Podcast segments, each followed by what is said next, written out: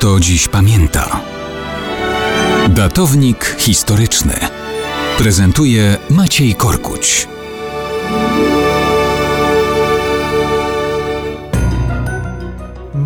Dziś pamięta, co łączy księcia czerskiego Trojdena I i jego żonę Marię z księciem opawskim Mikołajem II i jego żoną Anną Raciborską, wielkiego księcia litewskiego Giedymina i Jewnę, księcia nowogródzkiego Aleksandra Twerskiego i księżniczkę halicką Anastazję, króla Niemiec Albrechta Habsburga i Elżbietę Tyrolską, Stefano Viscontiego i Valentynę Dorie z Mediolanu, Mastino della Scala i Tadeo di Carrara, władców Werony, Padwy, Parmy i innych? Otóż łączy ich wszystkich to, że byli prapradziadkami Fryderyka III Habsburga, który właśnie 2 lutego 1440 roku został królem Niemiec, a potem cesarzem rzymskim. To proste do zapamiętania. Żadnych dat, troszkę imion i tytułów. Książę czerski Trojden, ożeniony z Marią, mieli syna Siemowita III.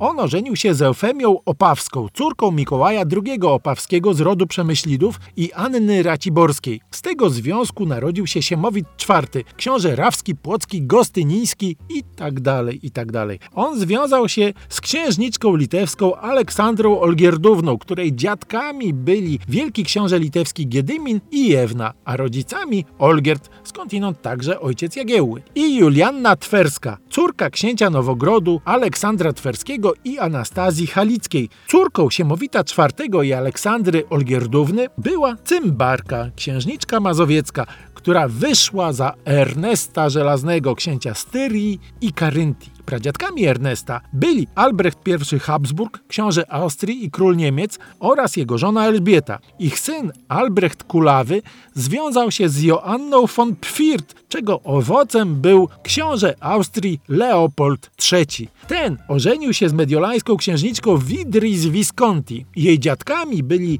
Stefano Visconti i Valentyna Doria, która powiła współrządcę Mediolanu Bernabo Viscontiego. On związał się z Beatrice della Scala, córką władcy Werony, Padwy i wielu innych, Mastino oraz Tadei di Carrara. Synem Widris Visconti i Leopolda III był właśnie Ernest Żelazny, mąż cymbarki mazowieckiej już wspominanej, która wydała na świat Fryderyka III Habsburga, właśnie tego, który 2 lutego 1440 roku został królem Niemiec, a potem cesarzem rzymskim. Powtórzyć?